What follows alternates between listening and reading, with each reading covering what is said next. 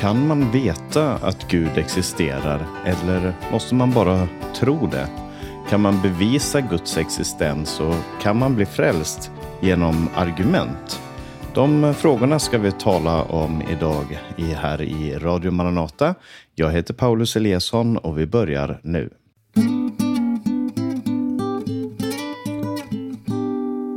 När man pratar med människor om tron på Gud så har man ofta en föreställning om att tro står emot vetande. Alltså någon människa tror någonting eller man kan säga jag tror det här men jag vet ju inte.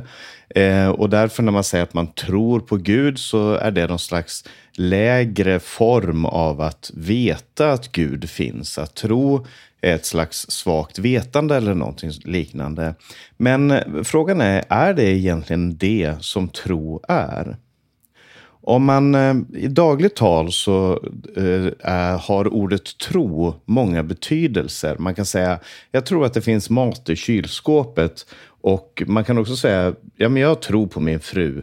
Och det är två väldigt olika sätt att använda ordet tro. I det första exemplet så säger man att man förmodar att någonting är fallet. Medan i det andra fallet så säger man att man litar på någon. Och eh, Man kan också säga saker som den muslimska tron bygger på Koranen. Och då betyder tro en samling av saker som man håller för sant och som tillsammans utgör en världsbild. Och eh, på grekiska, som ju är Nya testamentets språk, så är det på ett liknande sätt. Det grekiska ordet för tro, det är pistis och det kan betyda många olika saker. Det kan beskriva någon som är trovärdig eller trofast. Och det kan beskriva eh, det man gör när man litar på någon människa. Och eh, ibland så kan man höra människor säga sånt som en kristen ska inte bevisa någonting utan kristendom det är baserat på tro. Och, men, men tro som den beskrivs i Bibeln sätts aldrig upp emot vetande. Det är aldrig så att någon säger ja, ja, vi vet det här, men vi tror ändå så här. Eller vi vet, eh, vi kan inte veta någonting, men vi får bara tro att det är så. Eh, utan i Bibeln så står alltid tro mot otro eller mot falsk tro. Tro som är baserad på ett falsarium. Så vad är då tro så som den beskrivs i Bibeln? Jo, tro handlar om att lita på någon eller på något. Om någon till exempel har byggt en stol eh, och ber mig om att sitta på den och så vet jag att den som har byggt stolen, ja, han är en möbelsnickare som har hållit på i 15 år med att snickra. Då, då har jag förtroende för den här personen. Jag har förtroende för den och därför sätter jag mig på stolen utan att bekymra mig. Och du kan säkert tänka dig ett motsvarande exempel där du inte skulle ha tro på en person. Om det till exempel är en sjuåring som aldrig har hållit en hammare tidigare som har byggt en stol och säger sätt dig ner på den här så kanske du väljer att inte sätta dig. Eller om det är någon som har en historia av att inte vara trovärdig så, så väljer du att inte ha tro på den personen. Därför att tro bygger på erfarenhet och kunskap om vissa saker. Man väljer att tro. Och samma sak säger faktiskt Jesus i Johannes evangelium där det står så här i Johannes kapitel 10 och vers 37 och 38. Så där talar han till, till några som har kommit för att konfrontera honom. Och så säger Jesus så här, om jag inte gör min fars gärningar, så tro mig inte. Men om jag gör dem, tro då på gärningarna om ni inte kan tro på mig. Då ska ni inse och förstå att Fadern är i mig och jag i Fadern. Och poängen i det som Jesus säger här är att när man ser det han gör och hans undervisning så märkte man att den var trovärdig. Han säger inte tro på mig utan anledning. Eller ni kanske vet en massa saker men egentligen så borde ni tro på mig. Eh, utan han säger jag gör min fars gärningar. Jag helar människor, jag uppfyller profetiorna, min förkunnelse resonerar med verkligheten och därför ska ni tro på mig. Och när Jesus säger till sina lärjungar tro på Gud, tro också på mig, så menar han inte bara inbilla er att jag existerar, Utan det han säger är, lita på mig. Eh, lägg ert liv i min hand. Eh, ge er trohet, er allians till mig. Och um, då kanske någon vill säga att ja, men vänta nu, jag har hört den här historien om när Jesus uppstod från de döda. Eh, och så möter han aposteln Thomas, eller lärjungen Thomas, som kallas för Thomas tvivlaren. Inte i Bibeln, men av eh, människor som har läst Bibeln så kallas han ibland för Thomas tvivlaren. Och då säger Jesus till honom, saliga är de som inte har sett, men ändå tror. Och då verkar det som att Jesus sätter upp då det att se mot det att tro. Antingen så ser man eller så tror man. Men det är inte helt sant, därför att det som står i sammanhanget, det är att Thomas trodde då han såg. Men Jesus säger, saliga är de som inte ser och ändå tror.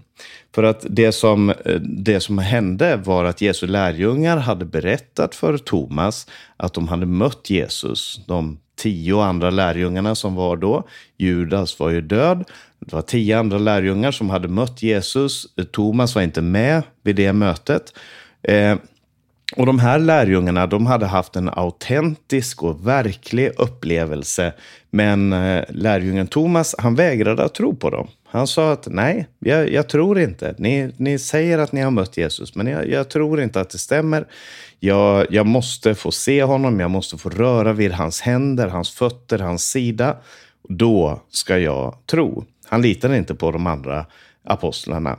Eh, och han krävde att få röra vid Jesus själv, eller i alla fall så sa han att det var det som, som krävdes.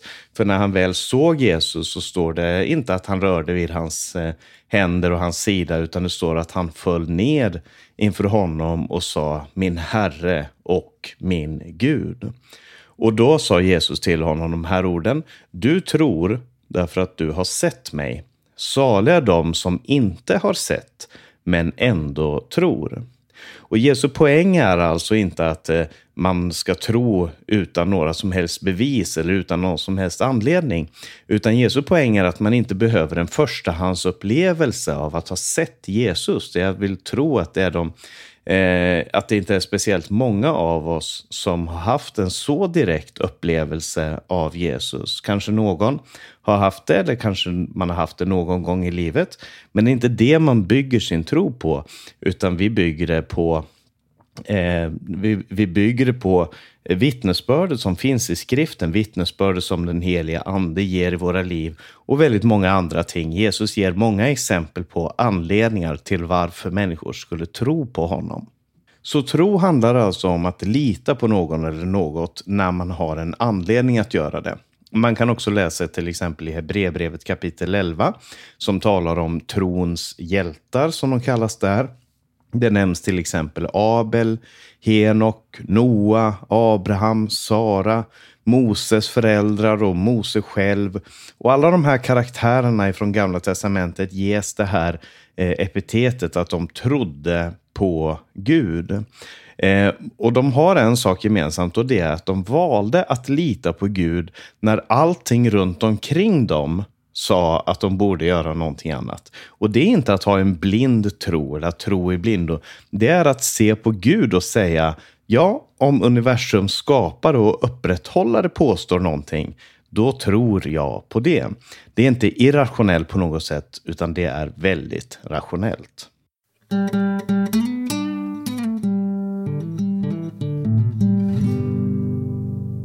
Så om nu tro i den bibliska betydelsen är att ge sin trohet till någon och att välja att lita på någon, så är det ju uppenbart att det är en skillnad mellan påståendena jag tror på Gud och jag tror att Gud existerar. Att säga jag tror att Gud existerar är att säga att man menar att man lever med Guds existens som en del av sin verklighet. Men det gör ju också demonerna och djävulen själv. Så det betyder inte eh, så väldigt mycket egentligen. Men det kan betyda all världen för den människa som är osäker på om de ska kunna tro på Gud, alltså lita på honom. För de människorna så är Guds existens väldigt avgörande. Men eh, då säger vi ofta som kristna så här att ja, men man kan inte bevisa Guds existens. Vilket är ett intressant påstående, för frågan är vad menar man när man säger att man inte kan bevisa Guds existens? Och jag har hört det här många gånger av predikanter, av människor som vittnar och talar om det här med bevisen för Guds existens. Eh, men vad menar man när man säger att man kan inte bevisa Guds existens? Alltså, för om Gud finns och han på något sätt har gjort sig känd, alltså Gud inte bara är utanför universum, eh, så kan hans existens naturligtvis bevisas. Alltså om Gud gör ett under, om han till exempel låter en amputerad persons eh, eh av, eh, eh förlorade arm få växa tillbaka, då är det ett bevis för Guds existens. Och då kan man peka på det och säga, här är ett bevis för Guds existens och det är ett bevis. Eh, annars så säger man att man omöjligt kan veta vad som orsakar att den här armen växer tillbaka. Och det är en skepticism som bara ateister brukar syssla med. Eh, och när Jesus mötte sina lärjungar efter sin uppståndelse, om någon av lärjungarna då hade sagt att eh, ja, men det här är inget bevis för att Gud existerar, då hade naturligtvis de andra lärjungarna frågat vad, vad är det för problem med dig? Varför förstår du inte vad det är som står framför dig? Kan du inte identifiera ett bevis när du ser det? Så på det sättet så, så tror jag inte man kan säga att eh, man kan inte bevisa Guds existens. Men det jag tror att man ofta menar när man säger att man kan inte bevisa Guds existens är att man inte kan bevisa den på ett sätt som kommer att tillfredsställa alla människor på ett oemotsägligt sätt. Och det är helt sant. Inte därför att bevisen för Guds existens inte finns, utan för det första för att Gud väldigt sällan tvingar sig på människor. Han låter väldigt sällan sin härlighet stråla och sin närvaro upplevas på ett så starkt sätt att man omöjligt kan förneka den. Allra minst så gör han det för att bevisa sin existens, utan de få gånger som vi läser om i Bibeln där sådana möten äger rum, så är det ofta med människor som redan tror på honom, som redan har en relation till honom.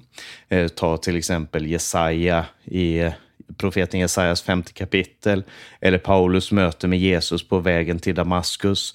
Eh, det är inte vardagskost det, och därför så kan man säga att på det sättet så kan man säga att ja, man kan inte bevisa Guds existens eh, därför att Gud inte gör sig känd på det sättet som, vi kanske, som kanske skulle vara oemotsägligt för varje människa.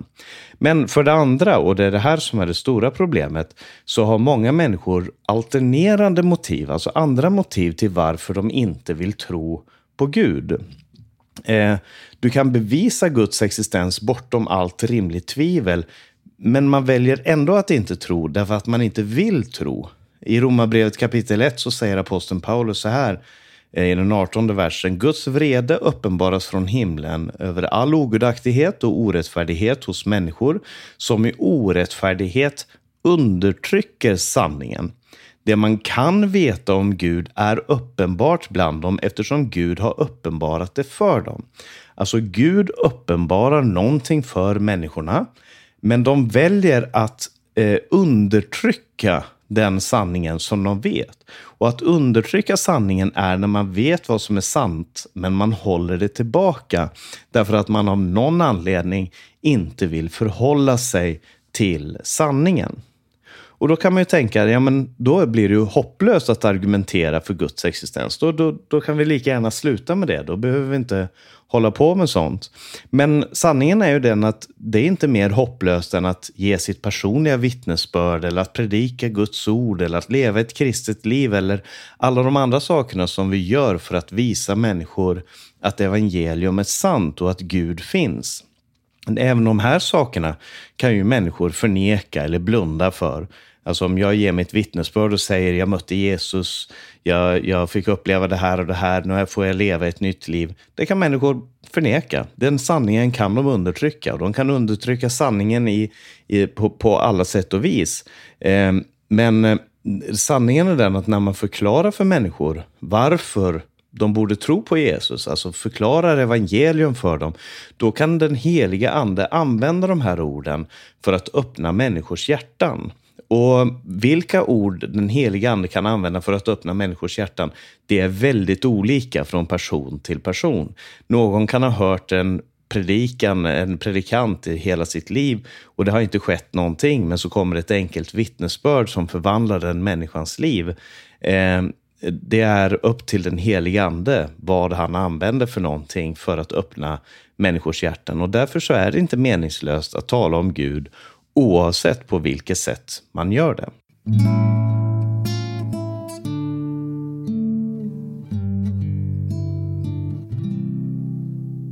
En annan sak som man ofta hör är det här argumentet att ingen blir frälst genom argument eller genom bevis för Guds existens. Och till det så har jag två svar och det första är naturligtvis inte. Därför att frälst det blir man genom att den helige ande föder på nytt. Ehm, och ingenting annat. Man blir inte frälst av sånger, man blir inte frälst av att gå på möte. Man blir faktiskt inte ens frälst av att höra på förkunnelse. Och då säger du, vänta lite, säger inte Bibeln att tron kommer av predikan och predikan i kraft av Kristi ord? Och det är helt sant. Det är ett citat från Romarbrevet 10. Men läs hela Romarbrevet 10 så ska du se att Paulus säger någonting mer där. Han säger också att inte alla kommer till tro eh, på grund av predikan. I den 16 versen så står det, men alla ville inte rätta sig efter evangeliet. Jesaja säger, Herre, vem trodde vår predikan? Det är ju inte så att människor automatiskt blir frälsta av att höra en förkunnelse. Men det är bara genom att höra evangelium som man kan bli frälst. Evangelium, det, det, är det här att Jesus från Nasaret är Guds son och världens frälsare. Ingen blir frälst utan att man förstår det, att man tar det till sig, att det blir införlivat med ens egen verklighet. Men det är just här som bevisen för Guds existens, Jesu uppståndelse, Bibelns trovärdighet och allt det andra som man kan tala om eh, är menat att leda fram till. Man kan inte säga sig nöjd med att ha bevisat för någon att Gud existerar. Det blir man inte frälst av. Eller att Bibeln är trovärdig. Det blir man heller inte frälst av. Eller om jag kunde bevisa att Jesus är uppstånden från de döda. Du blir inte frälst av det. Frälst blir du därför att Därför att den heliga ande utför ett verk i ditt liv och du omvänder dig från din synd och börjar leva ett nytt liv där du bekänner Jesus som Herre. Men det är helt nödvändigt att tro att Gud är till för att man ska kunna tro att han lönar dem som söker honom. För att bygga på det som står i Hebreerbrevets elfte kapitel.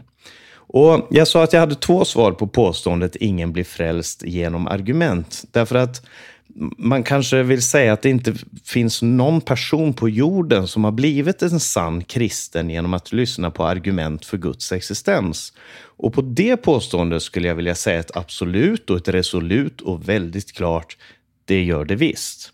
Det finns tusentals av människor som har kommit till tro på Gud genom att få sina murar av motstånd nedrivna. Människor, framförallt i, i vår kultur, bygger upp stora murar av föreställningar om att Gud inte existerar. Om man har någon bättre eller sämre anledning till varför man tror att det är så. Man säger Gud finns inte för det är så mycket krig i världen. Eller man kan säga vetenskapen bevisar att Gud inte finns. Och när man genom Guds nåd får veta och får, får klart för sig att de här påståenden är falska, så kan det vara med att öppna en dörr för att lyssna på evangelium. Och en annan anledning att jag säger det här, det är mitt personliga vittnesbörd. Och ni som känner mig, ni vet att jag har varit en kristen, en troende i hela mitt liv. Jag hade min första gudsupplevelse som väldigt liten då jag omvände mig och, och, och, blev en troende. Jag blev andedöpt då jag var tio år. Jag blev döpt i vatten då jag var tolv år. Och jag har varit en förkunnare och bibellärare sedan tidigt i 20-årsåldern. Men det är inte hela sanningen. Därför att eh, jag har också gått igenom tider av tvivel och av, av eh, eh, ifrågasättande av min tro. Framförallt tre gånger i mitt liv så har jag varit nära att ge upp och nära att lämna min tro på Gud. En gång i tidiga tonåren, jag antar att det är den här identitetsskapande perioden under puberteten då man ställer frågetecken vid allt man har trott på tidigare. Eh, en annan gång i sena tonåren, runt 18-19 års ålder, då jag gick på gymnasiet. Och en gång i sena 20-årsåldern, 28-29 år ungefär. Och jag ska inte gå in på exakt vad som skedde de här tre gångerna. Men alla gånger så var det en inre tvivel som började äta upp mig. Eh, är kristendomen sann? Finns Gud? Är allt det här som jag tror på bara en lögn? Det var inte det att jag längtade ut i världen, utan det var den här, de här inre tvivlen som, som höll på att äta upp mig. Och en del av dem som jag talade med och förklarade det här var väldigt godhjärtade och väldigt vänliga människor men gav väldigt felorienterade svar, menar jag. De kom med uppmaningar som att ja, men du måste be mer eller du måste läsa Bibeln mer, du måste tro mer. De, de, de här påståendena hörde jag ofta, men det hjälpte mig faktiskt inte. Och första gången som jag drabbades av tvivel så var det inte så väldigt starkt och jag kom igenom det utan större svårigheter. Och andra gången lika så. Men den senaste gången för lite över tio år sedan så höll det på att ta livet på mig andligt sett. Jag tvivlade på Guds existens och trots att jag gick på många möten i veckan, jag bad, jag sjöng, jag läste Bibeln, så var det, kändes det som att ingenting kunde rubba den här oron i själen och det byggdes upp en slags mur mot Kristus, mot evangeliet och, och jag måste erkänna att jag var beredd eh, att lämna min tro för att kunna bevara min ärlighet. Men så tänkte jag den här tanken, okej, okay, innan jag ger upp det här innan jag ger upp min tro, så ska jag i alla fall studera de här sakerna. Jag ska läsa eh, de bästa böckerna som finns. Jag ska lyssna på de klokaste människorna som är där ute från båda sidor. Jag ska lyssna på dem och sen ska jag ta mitt beslut. Och då började jag läsa böcker av de mest kända ateisterna som Richard Dawkins, Sam Harris, Christopher Hitchens och andra. Det här var under det som kallas för den nya ateistiska eran. Och då var de här väldigt populära, de här författarna. Så det var de skrifterna som jag fick upp när jag sökte på argument för ateismen. Och parallellt med det här så läste jag de kristna filosoferna och apologeterna som jag hittade. Sådana som Francis Schaeffer, C.S. Lewis, William Lane Craig, J.P. Moreland och andra. Och när jag läste de kristna filosoferna så var det som att en tung börda lyftes av mig. Och de frågorna som jag hade plågat mig under lång tid fick svar på ett sätt som gjorde att mörkret som jag omgavs av släppte taget. Och jag tror inte att jag är frälst på grund av argument för Guds existens. Absolut inte. Jag är frälst därför att den heliga ande har fött mig på nytt och för att jag tror och bekänner att Jesus är Herre.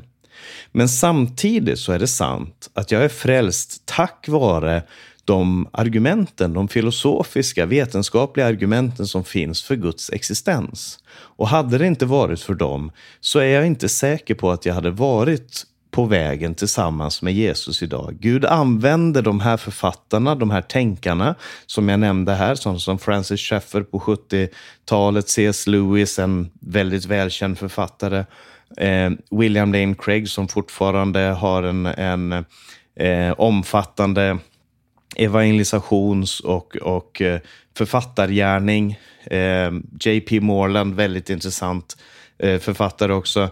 De som, som talar om Guds existens, om, om eh, vad det betyder att tro på Gud, vad som är eh, grunden för vår tro. Eh, och det, därför så, så, så, så hade det inte varit för dem så tror jag inte att jag hade varit där jag är idag. Och därför, på grund av att de här rörprogrammen som jag har här i Radio Maranata, så har jag alltid haft den här önskan att dela med någonting som ligger mig väldigt varmt om hjärtat. Och även om jag per idag inte är på den platsen där jag var då, så tänker jag att det här kan vara till en hjälp för andra. Kanske för dig, kanske för någon du känner som har som har eh, eh, sliter och som har jobbigt med de här frågorna. Och därför så kommer jag försöka att i kommande program tala om just de här argumenten för Guds existens. Inte varje tisdag, men lite nu och då. För jag har fortfarande en del bibelböcker kvar att gå igenom och det brukar dyka upp andra saker som jag vill ha rörprogram om. Men jag ska försöka göra det så enkelt och så ärligt som jag bara kan. Jag ska kanske kommer att tala om konstiga begrepp som kosmologi och ontologi och teleologi och liknande. Men jag ska försöka göra det på ett väldigt enkelt och förhoppningsvis också engagerande sätt. Och jag hoppas att jag ska kunna göra det utan att någonsin förlora blicken på det som det till syvende och sist handlar om, nämligen att förkunna Jesus Kristus som Herre över alla tankebyggnader som reser sig upp emot honom. Och inledningsvis så ställde jag den här frågan, kan man bevisa Guds existens? Och har jag svarat på det egentligen? Jag vet inte. Men jag tror att vi i alla fall har börjat att ge ett svar och förhoppningsvis så kommer vi fortsätta att göra det. Och om du har några tankar eller frågor om, om Guds existens, om argumenten för det här, om det jag har talat om här i programmet idag, så skriv gärna en e-post eller ett meddelande, antingen till Radio Maranata eller till mig personligen. Du hittar mig på Facebook bland annat, Paulus Eliasson. Eh, men jag ska inte sluta riktigt än, utan jag vill dela med ett bibelord ifrån första Petrus brev. Eh, där Petrus säger så här i det tredje kapitlets femtonde och sextonde vers. Han säger så här, Herren Kristus ska ni hålla helig i era hjärtan. Var ständigt beredda att svara var och en som ber er förklara det hopp ni har. Men gör det ödmjukt, med respekt och rent samvete, så att de som talar illa om ert goda levnadssätt i Kristus får skämmas för sitt förtal. Och den här texten säger att för det första, Herren Jesus Kristus, han är helig. Han, han, han ska vara på tronen. Han är Herre i våra liv. Och sen säger den att vi ska bereda oss så att vi är beredda att svara dem som, som ber oss om att förklara det hoppet som vi har. Och det här ordet att förklara, på grekiska så heter det apologia, som betyder att försvara eller att förklara någonting. Eh, men, men det ska ske ödmjukt, med respekt och med ett rent samvete. Så att de som talar illa får skämmas för sitt förtal. Vi, vi har en kallelse här i Bibeln att vara beredda att ge ett svar. Och därför så skulle jag gärna vilja bidra till att göra just det, till ära för Fader, Son och helig Ande. Amen.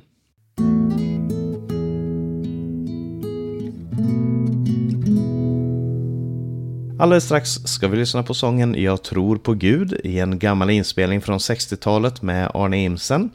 Först ska jag bara nämna att du har lyssnat på Maranata Podcast. Vi sänder de här programmen också över Stockholm och Örebro närradio. Var gärna med och sprid programmen vidare om du tycker att det är av intresse. Eh, jag heter Paulus Eliasson. Du kan komma i kontakt med oss via e-post info maranata.se eller ring 070-201 60 20. Sprid Guds välsignelse till alla du möter och på återhörande.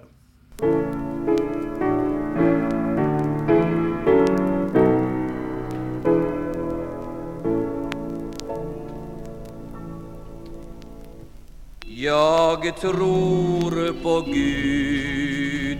Vad än jag möta får när genom världen här min vandring går vad den som sker hur dag sig ter min fader kär han vakar över mig. Jag tror på Gud, han omsorg om mig har. Om över berg och storm i sjö det bar. Jag vågar svara ej frukta skall Min fader kär, han vakar över mig. Blir dalen mörk och skuggan djup och svår? Den gode vinna får. Hem för han mig på dunkel stig. Min fader kär, han vakar över mig. Jag tror på Gud, han omsorg om mig har. Om berg och storm i sködet bar. Jag vågor svall, ej frukta skall. Min fader kär, han omsorg om mig har.